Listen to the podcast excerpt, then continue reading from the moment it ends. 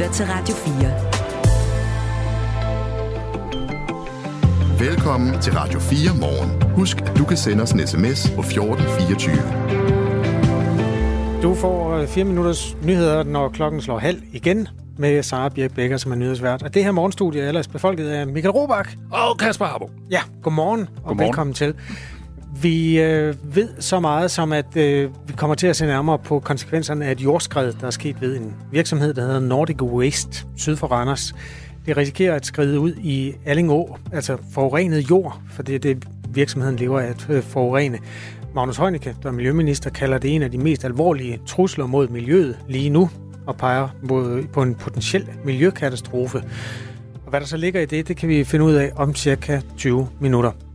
Og i morgen der sættes der ekstra kræfter ind på at få bugt med hashandlen på Christiania. Straffen for køb og salg af ulovlige stoffer på og omkring Christiania fordobles. Det er en rigtig strategi, men vi skal nok indse, at det får klare konsekvenser andre steder i København. Det siger en krimi- kriminolog, som vi taler med kvart i ni. Ja, og så er der nogen, der har stillet det spørgsmål, som alle har stillet sig selv, om ham, der blev nummer to ved VM i dart, den 16-årige fyr, med skæg. Hvor fanden har du fået det skæg fra? Eller rettere sagt, er det rigtigt, du er 16 år? Det vil jeg bare gerne lige rydde op i også, og det kan jeg love dig, det gør vi om 10 minutter tid. Var det det, du talte om tidligere? Verdens mest berømte skæg, eller hvad du sagde? Ja, det er måske også en stramning. Det kan da godt være, der er et andet skæg, der er mere berømt. Men det er meget omtalt. Det er omtalte skæg? Ja, og nogen har altså løftet den journalistiske pligt at uh, finde ud af, om hvor kom det fra, og hvor længe har han egentlig haft skæg? Altså, hvis man har fuldskæg som 16-årig. Hvornår startede det så? Altså, øh. jeg vil sige, jeg voksede op ude på landet. Altså, der var der, der nogen, ikke mig, men der var der nogen, der havde småfuldskæg ved konfirmationsalderen. Var der det? Ja, selvfølgelig. Hvor får man det fra? Altså, Hår der på kunne kassen. ikke vokse noget som helst på mig, da jeg var 13-14 år. Skal vi høre mere om det? Mm, det må du selv bestemme. Nå. Jeg havde altså heller ikke fuld skæg. Nej, var 16. det tror jeg det heller ikke. Nej. Nå, det glæder mig til. Hvis nogen kan bidrage i, i forhold til den debat, så er man også velkommen. Det er man i det hele taget. I nummer 1424, det kræver lige, at man har mulighed for at sende en sms, det her nye stykke øh, telefonteknologi. Et lille stykke tekst, send det til os på 1424. Du må meget gerne også lige slutte med at fortælle, hvem du er. Det er vist det. Vi er i gang. Vi er i gang. Vi er fuld gang. Klokken er 6 minutter over 8. Godmorgen. Det her er Radio 4 morgen. Novo har de seneste år ramt en vaskeægte guldgruppe med vægttabsmedicinet Vegovi. De har lagt sig øh, solidt i spidsen på hele markedet for det her vægttab, men det kan nu ændre sig, fordi Pfizer, dem som vi også lærte at kende, fordi de lavede en coronavaccine, satte sig nemlig stort på det her marked. Og de skulle angiveligt være langt i udviklingen af et vægttabsprodukt og lover en aggressiv strategi i kampen om vægttabsmedicin. Det siger selskabets administrerende direktør, der hedder Albert Bula, og det sagde han mandag på et pressemøde. Han siger, Pfizers position er, at vi tror, at overvægt er et sted, hvor vi har evnen til at spille og vinde, så vi er nødt til at spille, lyder det. Per Hansen, han er investeringsøkonom i Nordnet. Godmorgen. Godmorgen. Tænker du, at Novo Nordisk nu bliver nervøse, når Pfizer går så sådan forholdsvis aggressivt ud og siger, at de vil være med på det her marked? Nej, det tænker jeg ikke. Jeg tænker, det er altid en god idé at følge med. Det er altid en, del, øh, en god idé at være lidt ydmyg over for de muligheder og de udfordringer, der er. Men det er altså ikke sådan, at Pfizer øh, øh, er, er her og nu noget, som Novo Nordisk skal være meget nervøse for. Pfizer, altså nu, jeg tager lige det der citat igen, for det kan jeg altså meget godt lide. Pfizers position er, at vi tror, at overvægt er et sted, hvor vi har evnen til at spille og vinde, så vi er nødt til at spille. Hvad, hvad tænker du om det citat? Jamen, jeg tænker faktisk, at det, det som udgangspunkt giver rigtig god mening, fordi der er ingen af dem, vi kalder Big Pharma. Altså, der er ingen af de store selskaber.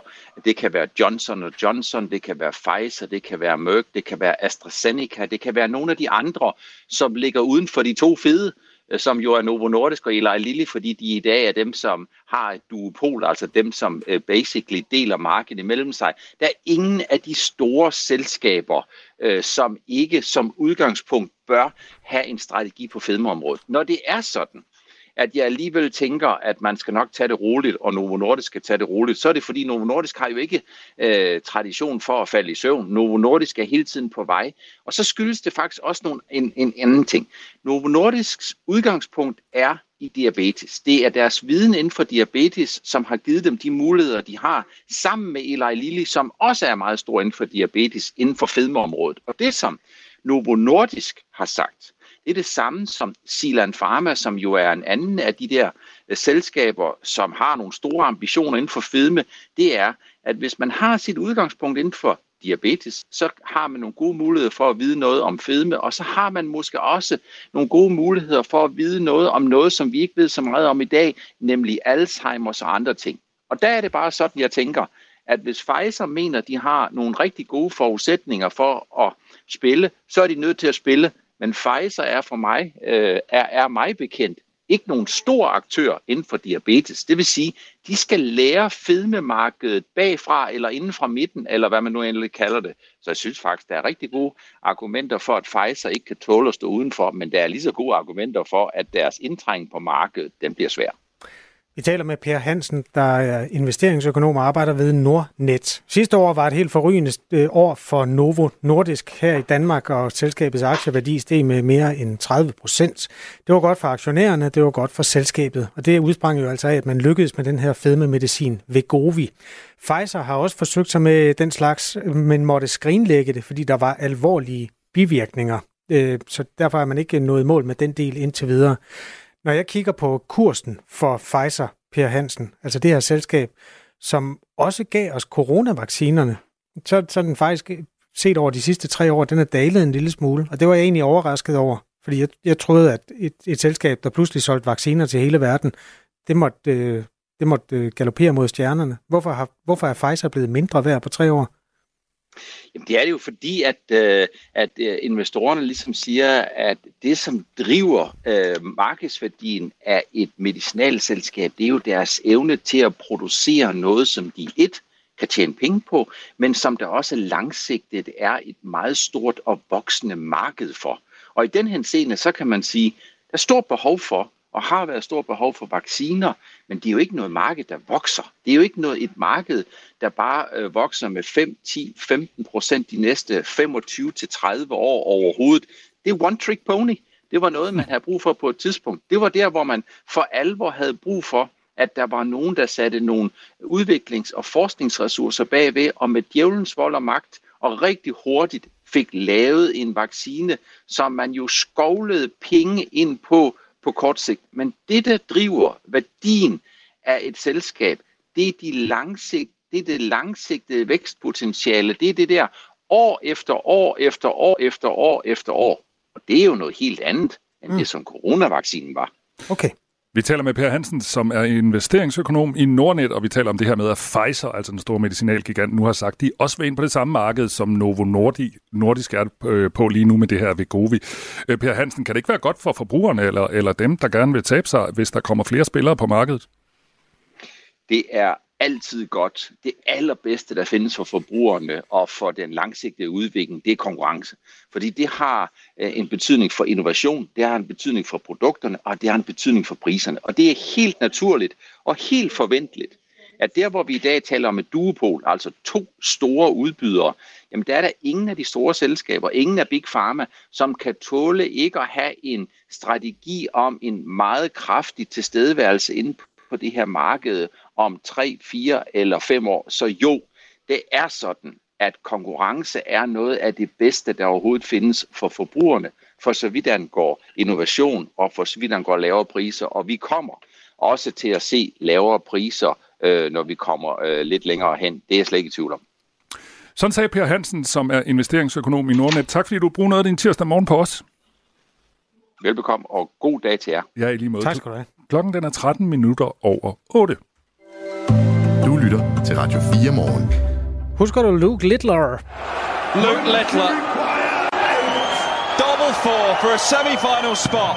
There is no sign of this teenage dream coming to an end. Luke Littler. Teenage Dream. Han blev nummer to ved VM i dart, som jo øh, blev afviklet mest i december, og så var der finale her forleden. Og øh, britiske medier har taget den øh, vinkel, som ingen andre hidtil har taget, men som alle har undret sig over, nemlig mm. at han, at han ligner overhovedet ikke en på 16 år. Du går jo op i dart, og du viste mig et billede af ham, og da jeg så ham, så, så det, mit, allerførste var, mit allerførste kommentar var også, han er da ikke 16. Nej, altså han er 16. Men han havde et ordentligt skæg og en ordentlig øldunk. Ja, og det er sær- særligt lidt op i tiden at tale om øh, folks kropsfasong, øh, undskyld. har jeg tænkt over efterfølgende. undskyld, undskyld, undskyld. Jeg siger ikke, du lyver. Jeg han siger er bare, kraftigt bygget. han ligner en dartspiller. Ja. Og derfor lad os fokusere på skægget. Det var også det, man gjorde, da man interviewede ham i det program, der hedder Talk Sports, som er sådan et britisk uh, sportsradio-netværk, og stillede ham nogle af de her meget oplagte spørgsmål. You looked incredibly mature up there on the stage yesterday. Are you really 16? You've got a beard going on as well. We've had a bet. We think you're like mid-30s minimum. You've had a bet? Yeah, we, we think you look older than 16. Oh, well, you've lost your money there because I am 16. How long have you had the beard for? I'd say a good, a good two years now. You're 14 when you had a beard. Hvornår fik du dit skæg? Ja, det gjorde jeg, da jeg var 14. Prøv at høre, han svarer det helt vildt godt. Jamen, han er super cool. Han er totalt cool. Han er også blevet interviewet meget, så den skulle snart også gerne sidde der. Nej, øh, verden på det her øh, Talk Sports, han har simpelthen øh, lavet et vedmål, hvor de var nået frem til, at han kunne ikke være 16, han var nok midt i 30'erne. Og det er så der, der lå lidt og siger, Okay. du har tabt dit vedmål. Jeg er 16, og jeg har haft øh, skæg i to år.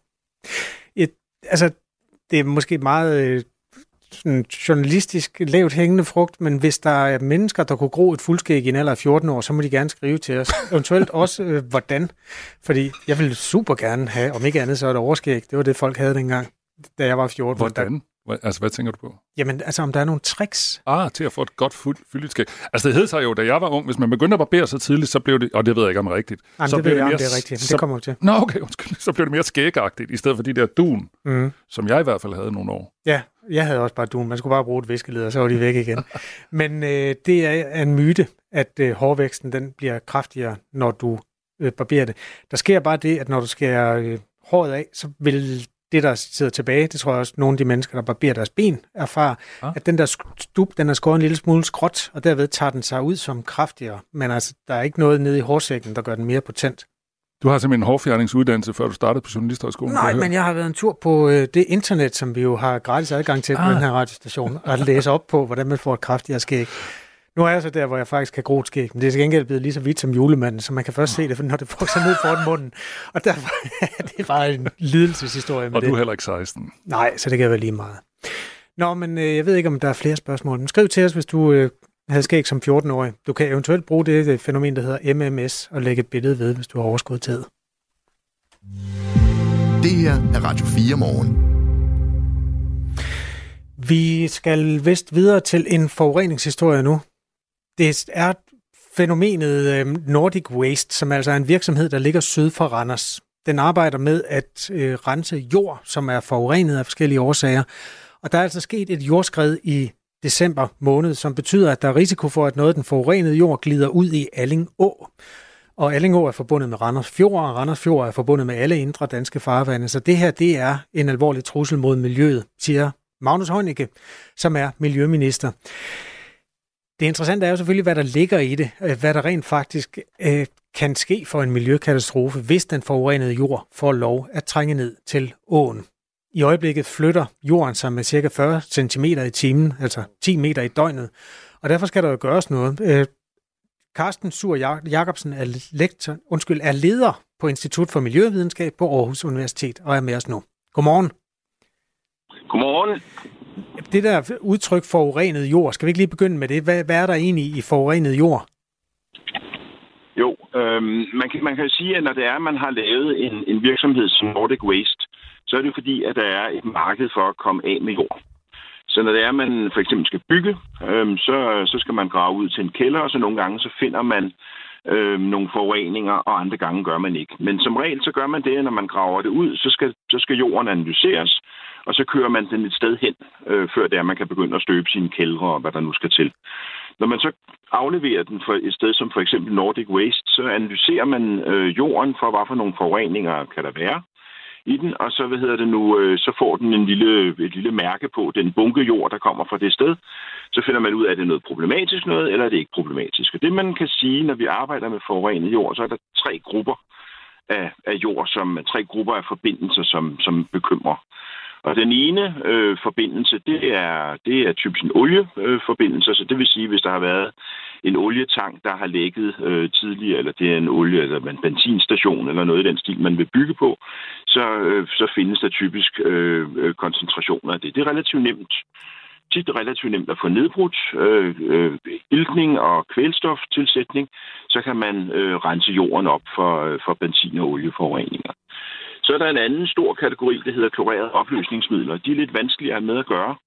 Klorerede opløsningsmidler er noget, som kommer for eksempel fra, fra renserier, hvis der har været lidt øh, dårlige, hvad hedder det nu, øh, øh, gulv og lukning og sådan noget der, så kan der være noget der. Men det kan også være fra bilværksteder, hvor man bruger øh, affitningsmidler, som består af klorerede opløsningsmidler. Øhm, så når det er sådan et sted, at man, at man finder jorden, øh, så kan den tit være gået ret dybt ned. Øh, og øh, det er fordi, at de klorerede opløsningsmidler er tungere end vand. Mm. Den sidste type af, hvad hedder det nu, af forbindelser er lidt mere vanskeligere med at gøre. Det er, det er sådan noget, man finder mere ude øh, øh, på steder, hvor man har haft sprøjtestationer, altså øh, hvor man har brugt øh, pesticider og har haft sådan nogle øh, pladser, hvor man har, har fyldt sprøjter. Øh, ikke hos en enkelt landmand, men for nogen, der har kørt for maskinstationer typisk og sådan noget. Og okay. de kan være noget vanskeligere at nedbryde. Så det er sådan de tre typer af ting. Alright. Virksomheden her, den modtager forurenet jord fra industrien og renser det, kan, op, Øh, kan modtage op mod en million tons jord om året. Og en del af den her Nordic Waste ligger ovenpå en tidligere lergrav, og den seneste altså den seneste, det seneste års store mængder nedbør, især regnen i efteråret, gjorde jo altså jorden blev tung og leret og våd og glider derfor. Noget, der kun er blevet værre efter ja, det her efterår. Jordskredet det skete den 10. december, og siden da har man kæmpet for at forhindre det i at blive til en miljøkatastrofe ved at glide ud i vandet. Blandt andet ved at omlægge Allingå væk fra virksomheden med ca. 300 meter rørledning. Øhm, myndighederne har endnu ikke oplyst, hvilke konkrete kemikalier eller stoffer, der er på spil øh, i den jord, som bevæger sig i øjeblikket. Hvis det her det kommer ned i et vandløb, hvad sker der så? Ja, altså det, det man først og fremmest skal sige, når det er, det er bekymrende, at det opfører sig på den måde, så er det fordi, det jeg fortalte først, det er, når, man, når det er, man kommer ind på sådan en virksomhed med noget jord og afleverer det, så kommer der et lille skilt ned i den bunke jord, og så ved man, hvad, hvilken kategori er det. Når så jorden begynder at skride, så er ens, hvad skal man sige, system, som man har lavet, det er pludselig ødelagt, fordi at jorden den blander sig bare sammen med forskellige typer af forureninger. Og så kan det, som har været et, et hvad skal man sige, en hotspot-forurening, altså en vanskelig, øh, nedbrydelig øh, forurening, øh, den kan blive blandet med noget andet, og så derfor ved man pludselig ikke, hvad det er, man har, øh, har gang i. Og det er jo det, der er den, den øh, bekymring, fordi hvis det er mindre mængder af stærkt forurenet jord, så vil man altid kunne vælge at brænde det af, øh, sådan så at man får fjernet de her, hvad hedder det nu, øh, forureningsstoffer, som er virkelig farlige. Men øh, nu skal du sige, at øh, jeg ved faktisk ikke, hvad der er øh, i de bunker, øh, der skrider. Så jeg kender ikke den konkrete sag. Men man kan jo sige, at det et eller andet sted, så er det jo bekymrende, at, at jorden skrider rundt, og, og det dermed blander det op. Så, øhm, så, så det, det, er jo, det er lidt svært at udtale sig om præcis, mm. hvad det er, der kan ske, når vi ved, hvad det er for nogle stoffer, som, øh, som der er på tale. Det er klart. Øhm, der er det her vandløb, der hedder Alling Å, og nu har man jo gjort, hvad man kan for at øh, sørge for, at det vand ikke kommer til at transportere gift ud. Men altså, hvilke konsekvenser får det, hvis, den, hvis jord, der indeholder nogle af de typer, du beskrev der øh, for lidt siden, altså enten noget kloreret opløsningsmiddel eller nogle oliestoffer, hvis det kommer ned i en å, som løber ud i Randers Fjord, altså hvad er så scenariet? Ja, altså, altså scenariet er jo, det kommer helt an på. altså det, det er jo det, der er svært at svære på, når vi ikke ved, hvad det er for nogen. Men hvis nu for eksempel tager olie, olieforbindelserne, jamen så findes der en lang række øh, forskellige øh, øh, kendte øh, problemer med, øh, med, med olieforurening, når det kommer til vand. Det kan have indflydelse på, øh, på biodiversiteten i vandløbet og, og, og, og selvfølgelig også længere fremme. De klorerede opløsningsmidler, øh, der, er det jo, der er det jo sådan så, at det, det der normalt er forbindet, altså bekymringen ved klorerede opløsningsmidler, det er dannelsen af, af vinylklorid, øh, som er en forbindelse, der kan blive dannet fra de klorerede opløsningsmidler, som er et kendt og meget potent carcinogen. Øh, men, men det er jo sådan noget, som man især bekymrer sig om i forhold til grundvand og potentielt drikkevand. Så, øh, så det ved jeg, det, det, der ved jeg faktisk ikke præcis, hvad det vil, øh, hvad det vil have effekter på, øh, på vandmiljøet. Og så den sidste del af det med pesticider, der, der er det jo sådan, så, så mange af de pesticider, man finder, øh, de vil nok være i så lave koncentrationer, så de ikke har nogen direkte øh, effekt på det, men omvendt så, så er der jo nogle af dem, som, øh, som, som der findes. Men altså, det er, meget, det er meget svært at sige noget om, når vi ikke ved, hvad det er for nogle forbindelser, der er. Så det, det vil være en rigtig god idé at holde på det jord. Miljøminister Magnus Heunicke omtaler eventuelle konsekvenser som værende katastrofale. Nu er det jo ikke en beskyttet titel, men alligevel, det, det, det vækker jo opsigt, når han bruger lige præcis det ord. Er det en passende ja, det betegnelse? Også, Jamen, det er jo så der, hvor du spørger mig igen om, om noget, som jeg sådan set ikke kan svare på, fordi jeg ikke ved, hvad det er for nogle typer af, af blandingsforureninger, der er ja. tale om præcist. Men er der risiko for, at det er en katastrofe? Jamen, det er der jo, når ministeren siger det. Altså, så er det jo, fordi han har jo fået, han har jo fået en briefing, øhm, når han har været på stedet, og hvad hedder det nu, og, og på den måde har kunnet har kunnet med egne, egne øjne se, at der altså er et, et, et, et spørgsmål om, at der er nogle, at der er nogle af bunkerne, som indeholder nogle risikoforbindelser. Øh, men altså, som sagt, så lang tid vi ikke præcis ved, hvad det er øh, udefra, så kan vi jo ikke øh, sige, hvad, hvad det er. Øh, altså, hvor stor katastrofen er. Der er meget, vi glæder os til at få svar på i den her sag. Carsten Thur Jacobsen, ja. tak fordi du vil hjælpe os med at stille nogle af de scenarier op, som der findes inden for forurening af jord. Ha' en god dag. Ja, men ja. lige måde tak. Leder på Institut for øh, Miljøvidenskab på Aarhus Universitet. 19. december stoppede Nordic Waste selv med at rydde op efter jordskredet, hvorefter Randers Kommune overtog opgaven. Miljøminister Magnus Heunicke udtalte i går, at der er et påbud på vej til Nordic Waste. Et påbud om at være med til at rydde op og sikre miljøet. Og et andet om at stille kort, om med kort frist at stille en markant økonomisk garanti, der skal sikre, at der er penge til at rydde op for, ja, efter den her potentielle katastrofe. Du lytter til Radio 4. Dansk Folkeparti foreslår at ændre på traditionerne, når kronprins Frederik på søndag bliver udråbt til ny konge af Danmark. Normalt så er et tronskifte jo i forbindelse med regentens død, så derfor er det landets statsminister, der står for det formelle. Men sådan er det jo ikke den her gang, da dronning Margrethe har valgt at abdicere. Og derfor så finder Dansk Folkeparti det naturligt, at det er dronningen, der står for at udråbe sin egen søn til konge. Det fortæller Morten Messersmith, der er formand for Dansk Folkeparti. Når nu hun selv har truffet den her beslutning øh, om, øh, om abdikation, jamen så synes jeg, der vil være noget særligt øh, smukt og respektfuldt over, at det så også er hende selv, som øh, toner frem på, på balkongen der på Christiansborg og proklamerer øh, Frederik den 10. som ny konge. Messerschmidt øh, mener, at statsministeren bør udvise situationsfornemmelse og burde vige pladsen for, at dronningen skal stå ved siden af kronprinsen, fordi det er så smukt, siger han. Ja, fordi det er jo en, en, en, en situation, vi aldrig har, har prøvet før. Altså, vi er ikke øh, virke som bevendt med, med monarker, der, der abdicerer. Øh, vi skal meget langt tilbage i, øh, i historien, øh, før vi kan finde noget, der bare sådan er, er i nærheden af det her. Øh, og når der så er øh, omstændigheder, der gør, at øh, monarken altså selv træffer den her afgørelse, så synes jeg i hvert fald, at, at der vil være noget smukt over, at, øh, at hun også fik lov til at, at øh, være ved sin søns side, når han så bliver konge. Det var den øh, socialdemokratiske statsminister Jens Otto Krav, der i 1972 udråbte Margrethe den anden til Danmarks dronning, og det er den sidste gang en dansk regent frivilligt afstod tronen, som øh, dronning Margrethe gør nu. Før sin død, det var ifølge kongehuset i 1146, hvor kongen Erik den 3. trådte tilbage. Ja, jeg har svært ved at se, at der er en tradition, når man ikke tidligere har haft en abdikation. Øhm, og, øh, og det her er jo også en måde, hvor vi så øh, både selvfølgelig kan hylde den nye konge, øh, men, men også på øh, formfuld vis øh, få sagt, øh, få sagt øh, tak til den, til den afgående regent. Jeg tror, at der vil være rigtig mange danskere, som tager til København for at øh, være til stede øh, på, på Slotspladsen. Dot og jeg har i hvert fald tænkt os at, øh, at være der. Efter grundloven blev indført i 1849, så har der hverken fundet sådan deciderede kroninger eller salvinger sted, som et symbol på øh, monarkiets konstitutionelle status er konger eller regerende dronninger. Efter 1849 blev udråbt af statsministeren med de berømte ord, kongen er død, kongen længe leve. Og selvom det så var dronningen, der skulle stå for det, så sender det ikke noget anderledes signal om kongehusets konstitutionelle status, det siger Morten Messerschmidt. Nej, det synes jeg ikke, fordi det sker jo stadigvæk oven på et statsråd, hvor, øh, hvor øh, regeringen har været til stede, og det synes jeg er er fint. Det er jo i øvrigt også dronningen, der udnævner øh, regeringens medlemmer, så tingene hænger jo sådan set øh, sammen. Øh, og øh, jeg synes, det vil være ganske naturligt, at, øh, at dronningen, øh, når hun nu er der, så får lov til at være med til at fuldende den beslutning, som hun altså har truffet. Det er sparsomt med opbakningen fra andre partier til det her forslag, som øh, Messerschmidt kommer til, men øh, han står nu fast alligevel. Øh, jeg afholder mig ikke fra at mene det, jeg mener, fordi der er andre på Christiansborg, der ikke mener det. Øh, og det gælder i de fleste, eller det, det gælder i alle øh, sammenhænge.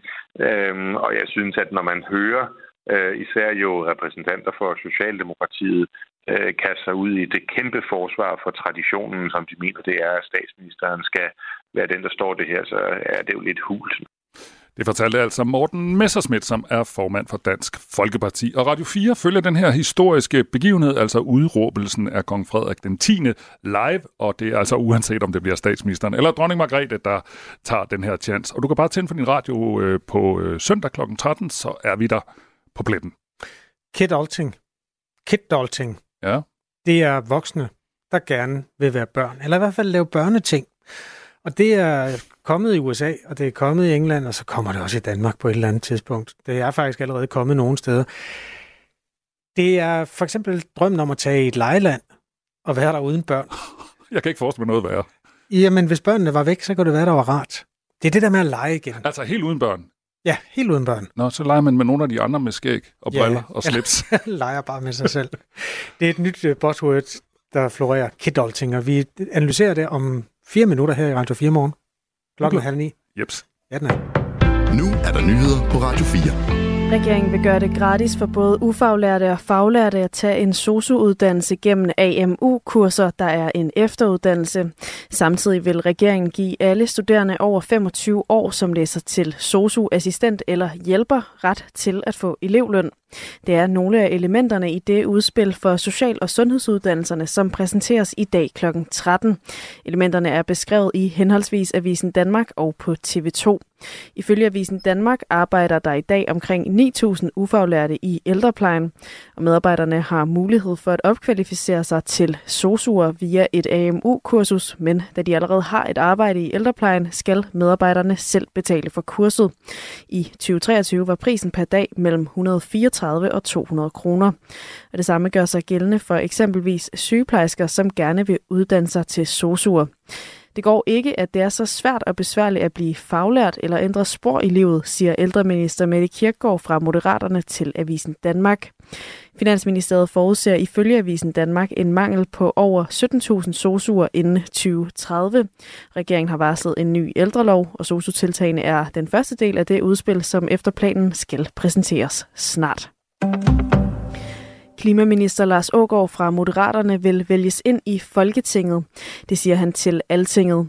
Da SVM-regeringen blev dannet efter Folketingsvalget den 1. november 2022, blev Lars Ågaard hentet ind til ministerholdet udefra som klima-, energi- og forsyningsminister. Og inden da var han administrerende direktør i Dansk Energi. Nu siger han så til Altinget, jeg skal op og hænge i en lygtepæl. Det lover jeg, og det lovede jeg også, da jeg blev spurgt om at blive minister. Det er endnu ikke afklaret, hvilken valgkreds Lars Ågaard får, og når den er fundet, vil det være første gang, at Ågaard forsøger at blive valgt ind i Folketinget. Moderaterne er anført af den tidligere venstre statsminister Lars Løkke Rasmussen, og de kom ind i Folketinget ved 2022-valget i første forsøg. Dengang fik de fem ministerposter, og tre af dem gik til folketingsmedlemmer. To blev hentet ind udefra.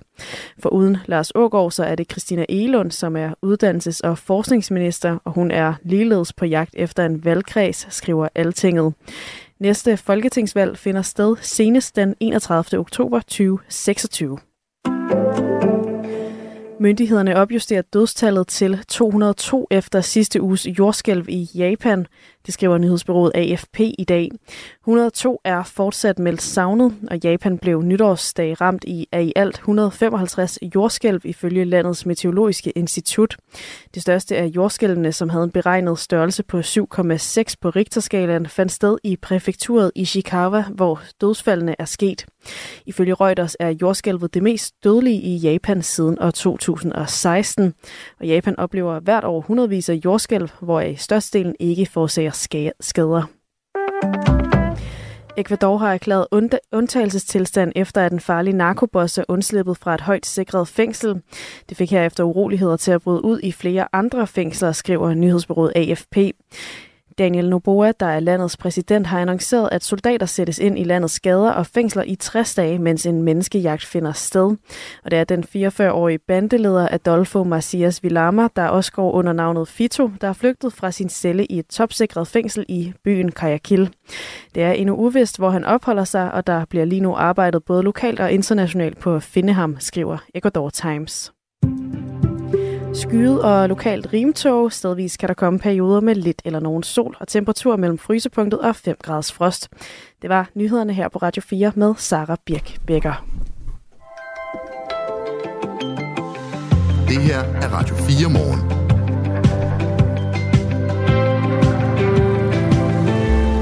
Nu skal du lære at sige Kit Olting, hvis Kit ikke du Olting. allerede har lært det. Kit Kit. Olting. Kit Olting.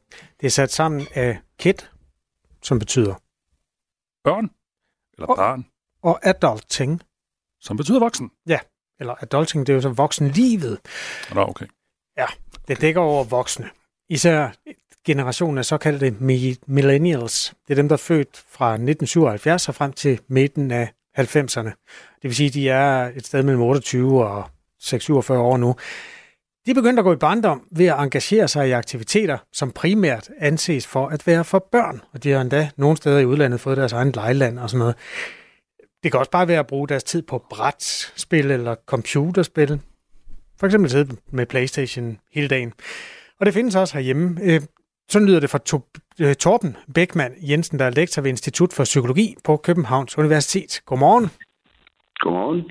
Kit Olting. Hvornår hørte du det øh, udtryk første gang?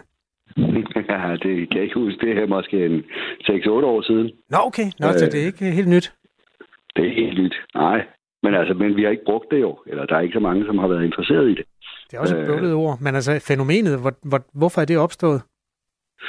Øh, hvorfor det er opstået? Tja, altså det er jo svært at vide. Øh, man kan sige, der er måske flere og flere, som, som har en fritid, de ikke ved, hvad de skal bruge, bruge til. Øh, og så kan det være, at den fritid enten udfyldes med sådan noget leg eller fornøjelser af den slags, eller at, øh, at den vokser, altså at man ikke har noget at tage sig til, og derfor kaster sig over noget, man kan fornøje sig med. Altså det kan også være at se Netflix-serier hele dagen, eller i for lang tid. Øh, så på den måde, så er det jo at udfylde en tid, som man ikke synes, man kan bruge meningsfuldt med hverken arbejde, eller uddannelse, eller familieliv, eller andet. Nu er jeg overrasket, at du lige fremputter en øh, tv-serie ind i samme kategori, fordi så tror jeg, at de fleste mennesker er skyldige i en eller anden forstand. Hvornår er det så altså voksne, der bare gør sig selv til børn, rent psykologisk? Ja, Altså, man kan sige, det er jo fint nok at se en film en gang med, men, men det er mere den der øh, massiv brug af, af leg, eller film, eller brætspil, eller malebøger, eller øh, som er altså som kan gå hen og vise sig som der, hvor Kid Dolting begynder at blive problematisk. Mm. Øh, ellers er det jo bare at fornøje sig med hinanden, og det er der jo sådan set, det har man jo altid gjort. Øh, så det vil man ikke kalde Kid Dolting. Men det er mere det, at, og du har ret, altså det er mere det at lege. Mm. Øh, altså fra USA viser det sig jo også, at at, øh, at hovedparten af det legetøj, som bliver solgt, købes af voksne. Og så kan man sige, det er måske ikke så mærkeligt, de kører det til deres børn, men det er ikke øh, tilfældet. Eller det viser sig, at de kører det til sig selv øh, for at lege, eller for at spille spil, eller hvad det nu er. Øh, ja. Øh, det der jo er situationen for eksempel med Lego, det er, at det er fuldstændig legitimt for et voksent menneske at købe øh, Barcelonas hjemmebane i, Ja. i Lego-klodser, og så bygge den. Øh, og det var måske ikke kommet for 30-40 år siden. Er det ikke Kid Dolting?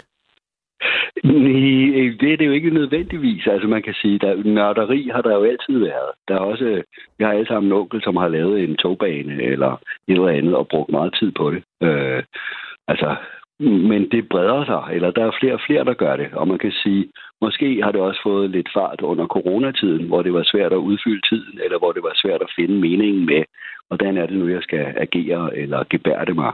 Mm. Øh, og, det, og det andet er, at, at øh, nogle mennesker har jo overskud af tid, i hvert fald i en periode, og i den periode, så kan det være svært at finde ud af, hvad skal jeg egentlig bruge tiden på? Øh, og der kan lejen jo komme ind som sådan en måde at fornøje sig på. Eller man kan være øh, ung og forvirret eller lettere opgivende, og så kan man jo vælge kammeratskabslivet sammen med sine pigevenner eller drengevenner på en måde, sådan så det bliver ved. Altså sådan, så man kommer til at lege og finde fornøjelse i det, og ikke er så interesseret i hverken at etablere sig. Altså, før Kid Dolting havde man det begreb, som hed Peter Pan-generationen, øh, som også betød noget af det samme. Altså, mænd, som ikke ville etablere sig eller tage ansvar, men gerne ville blive ved med at være ung sammen med deres venner og gå i byen og ikke lave så meget andet.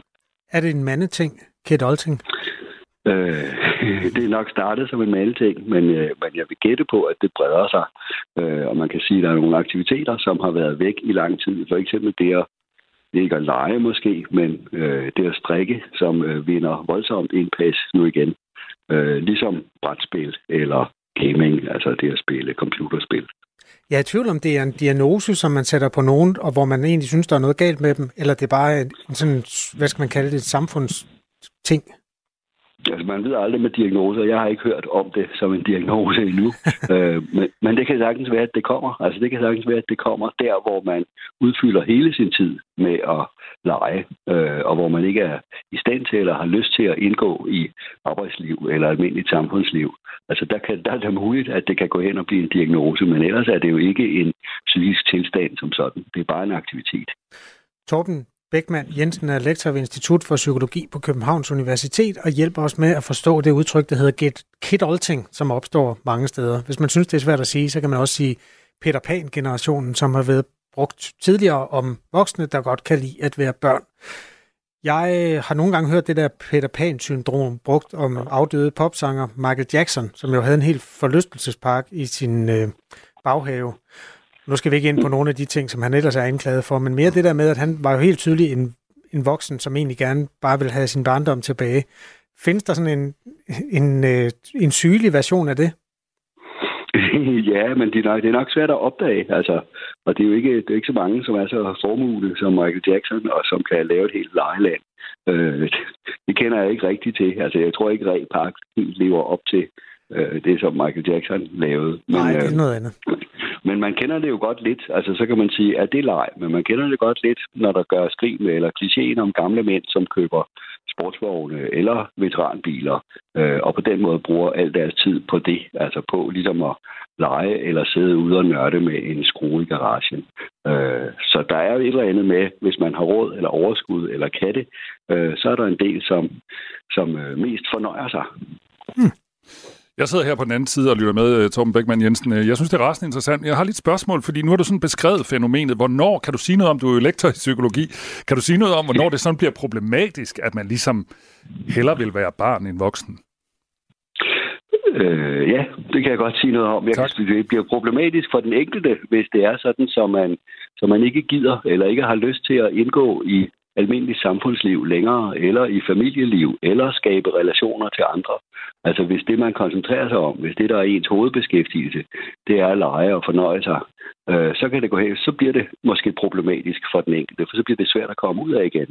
Og hvis man har siddet to år og spillet computerspil, så bliver det også svært at legitimere over for en eventuel arbejdsgiver.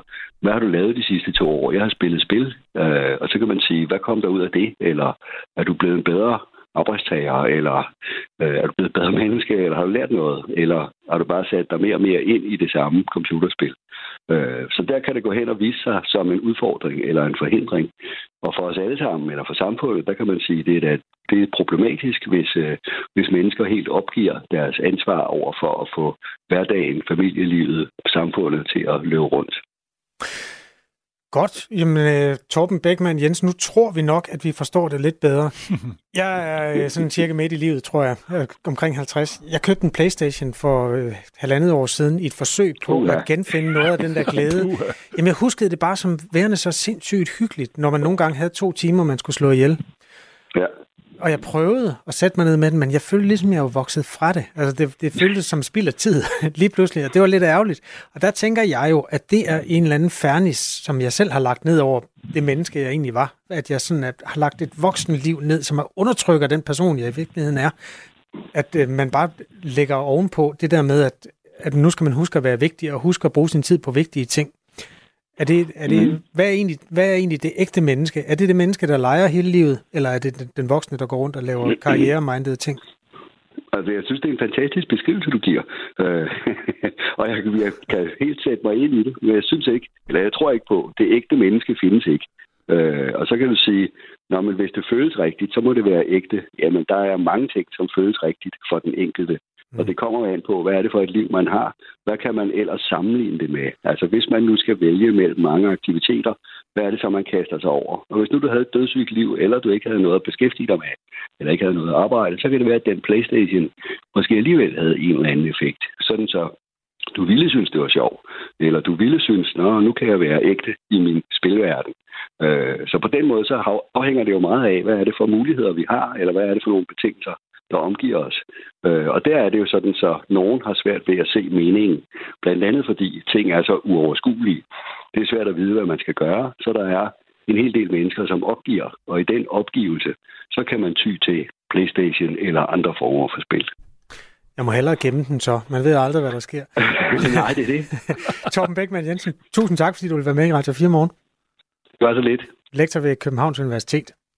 Jeg, jeg har ikke tal på, hvor mange gange jeg har hørt fra folk, ej, I er bare sådan en power couple. Skilsmisse, livskrise og en familie, der pludselig skal være to. Og I kan bare det hele. Hver uge inviterer Marie Sloma Kvortrup en kendt dansker ud i sin kolonihave til en samtale om knuste hjerter. Og så knækker jeg fuldstændig sammen. Jeg falder til gulvet. Splittede venskaber. Der knækkede filmen. Der kunne jeg ikke mere. Og hvordan man rejser sig og kommer videre. Og det gik jo også op for mig, at alt det, han har bildt mig ind, det er jo en stor fed løgn. Lyt til Skilsmissen i Radio 4's app, eller der, hvor du lytter til podcast. Radio 4. Hvor er det fucked up, det jeg har levet i. Ikke så forudsigeligt. Fra i morgen Onsdag er der dobbelt op på straf, hvis du sælger eller køber ulovlige stoffer i en særlig strafzone omkring Christiania i København. Det betyder blandt andet en bøde på 4.000 kroner i stedet for i dag øh, 2.000 kroner, hvis du for eksempel for første gang tages i at besidde has, altså noget du formentlig har købt på Christiania. De hårde straffe er en del af regeringens målrettede strategi om at komme handel med has på Christiania til livs. Og det er første gang, politiet tager det her våben i brug efter et stort flertal i Folketinget vedtog et lovforslag om en ny bandepakke i november. Paul Kjeldberg, øh, Kjeldberg er kriminolog og direktør i det, der hedder Comeback Camp. Godmorgen. Godmorgen. Med de her højere øh, bøder, hvis man nu køber has eller sælger has, så tror du, ved jeg, at øh, hashandlen flytter til andre steder i København. Hvorfor?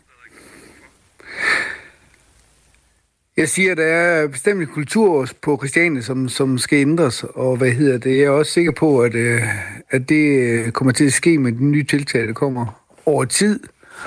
Og så får vi selvfølgelig et, et andet marked, og øh, jeg er ikke sikker på, at vi får et, et nyt Christiania et andet sted, eller vi får noget, der ligner, men, men hvad hedder det, salget af, af hest, det vil jo stadigvæk foregå. Øh, det kan være, at det, får, det bliver mennesket lidt på grund af, at det bliver måske lidt mere besværligt, men der er jo et marked i Aarhus, i Aalborg og i Esbjerg, og der er ikke noget Christiania. Så det bliver nok mere og går fra at have et øh, stort supermarked til at have en masse mobile kiosker rundt omkring. Og hvor tror du så, det flytter hen? Øh, der, alle de steder, hvor der er nogen, der føler, at de har behov for at ryge den slags, så hvad hedder det... Øh, men det bliver ikke så åbenlyst, som det har været tidligere, og hvad hedder det, og det rykker nok mere ud lokalt, ud i de øh, områder, hvor folk, der ryger hest, de nogle gange befinder sig. Og hvad hedder det, i dag er der jo, du kan jo købe has øh, mange forskellige steder på de øh, på øh, sociale medier og over sms og så videre, så det findes jo allerede øh, i provinsen, så det bliver nok noget lignende, vi kommer til at se i København. Mm. Der er mange, der siger, øh, hvis jeg lige skal tage øh, et af argumenterne, øh, der er mange, der siger, at jamen, det er meget smart at have det hele ude på Christiania, fordi så kan vi holde øje med det, og hvis det flytter, flytter rundt, som du selv siger, ud til alle mulige små butikker i hele København, så er det meget sværere at holde øje med. Og i øvrigt så er der også en risiko for, at det generer mange flere mennesker, hvis folk står i parker, eller det foregår for lejligheder osv. Hvor ligger du på den? Jamen, det kan da sikkert være noget rigtigt om, men jeg synes ikke, man kan være bekendt over for Christian, øh, christianitterne, at øh, det skal bo i deres baghave. Og øh, der går nok ikke så længe, så flytter der en masse andre mennesker derud, så jeg tror, det, øh, det er tid nu, at, øh, at det sker, der sker noget andet. Og så tror jeg også, at det, hele det med til Christiania for at kan passe, det er også været sådan en kultur i mange år. Og det kommer også til at ændre sig, så der kommer der helt sikkert et fald i, i salget af, af den slags, så det bliver en lille smule mere besværligt fremadrettet. Men det er fordi, du tror på, at det her hjælper, altså man får en dobbelt straf? Øh, jeg tror ikke, der er nogen, der synes, det er sjovt at gå rundt og, og sælge has, og så ordensmangen, de går og puster der i nakken bagved. Så tror jeg, man finder andre måder at gøre tingene på. Mm. Både politiet og øh, overborgmester i København, Sofie Hestorp Andersen fra Socialdemokratiet, har sagt, at de vil holde øje med hashandler, og den ikke bare skal have lov til at flytte andre steder hen. Tror du, man kan styre den slags? Det bliver svært. Altså, man kan sige i dag, at altså, selvfølgelig ordensbanken, de gør, hvad de kan, øh, men øh, så selv jeg får sms'er, hvor jeg køber alverdens øh, produkter og alle mulige mærkelige steder. Så hvad hedder det? Jeg tror ikke, at man helt kan komme det til livs, men jeg tror bestemt, der kommer et fald, fordi at, øh, der, der, der sker en, øh, en regulering af det marked, der nogle gange er, og folk de skal nok finde ud af at sælge tingene på alternativ vis. Øh, men kulturen om at sætte Christiania og ryge og has og gå op på volden og sådan ting, den forsvinder naturligvis. Mm. De har skærpet straffe for salg og køb af has på og omkring Christiania træder kraft i morgen kl. 12, og de opretholdes forløbig i et halvt år frem. Og den her nye strafzone, den gælder hele Christiania og det omkringliggende område. Tror du så, øh, hele den her øvelse, den går jo ud på, at øh, man skal det her øh, hashandel til livs inden på selve Christiania. Tør du byde, byde på, om det her kommer til at hjælpe, og hvornår vi måske kan se et Christiania uden hashandel? Eller i hvert fald som den organiserede hashandel? Jeg tror, at det her det er første gang, at jeg føler, at kristnitterne at de er med. Og jeg tror, der er sket et generationsskifte på Christiania, så jeg tror på en eller anden måde, at, at det er ved at være den tid, hvor tingene de begynder at indre, de forandrer sig. Og øh, om hvor lang tid det tager, det, det er sgu svært at sige. Men øh, over tid, så tror jeg, at det kommer til at ske. Og så kommer der jo en, et helt nyt boligområde derude, som, så på en eller anden måde, så kommer tingene til at ændre sig radikalt. Og jeg tror også, der kommer til at ske mange ting i forhold til bymiljøet derude, så over tid, så tror jeg, det, det forsvinder og, og bliver en anden karakter. Sådan sagde Paul Kjellberg, der er kriminolog og direktør i det, der hedder Comeback Camp, som hjælper unge udsatte til en bedre tilværelse. Tak fordi du var med i Radio 4 morgen. Ja, velkommen og godt nytår. Ja, i lige måde. Klokken den er 10 minutter i 9. Lytter til Radio 4 morgen. USA's præsident Joe Biden er en presset mand. Så presset, at tidligere præsident Barack Obama er begyndt at blande sig i Bidens kampagne. Den synes Obama nemlig er for svag, fortæller TV2. Donald Trump klarer sig jo ret godt i meningsmålingerne, selvom han ikke engang er valgt som øh, republikanernes kandidat endnu. Og det faktum sætter spørgsmålstegn ved Joe Bidens strategi før det præsidentvalg, der kommer her til efteråret. Mads Dalgaard Madsen følger USA's politik, blandt andet hjælper han tit også her på Radio 4 med at udlægge teksten. Han forklarer, hvad der synes at være galt med Bidens kampagne, siden Obama nu blander sig i den. Joe Biden kan lykkes simpelthen ikke med at komme igennem med sine politiske resultater. Han kan simpelthen ikke føre valgkamp på sin politiske dagsorden og de succeser, han har haft igennem hans første periode som præsident. Og det kan han ikke af en eneste årsag. Det er, at vælgerne ser hans aller først og fremmest. De kan simpelthen ikke, øh, de kan simpelthen ikke se noget som helst andet end den høje alder. Det siger alle meningsmålinger.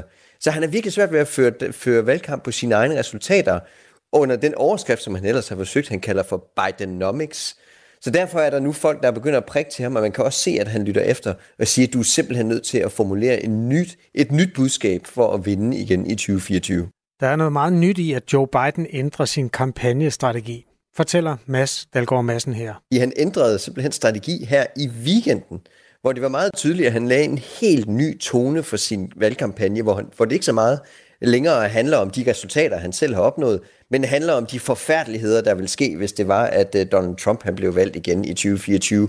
Så det er meget tydeligt, at han satser på, at Donald Trump han er mere upopulær end ham selv, så derfor øh, vil de så stemme på ham igen som det sikre kort. Og dermed prøver han at kopiere øh, øh, den succes, han havde i 2020-valget. Altså en fuldstændig gentagelse af det, hvor det alt sammen handlede om Donald Trump, og sådan set ikke så meget om Joe Biden.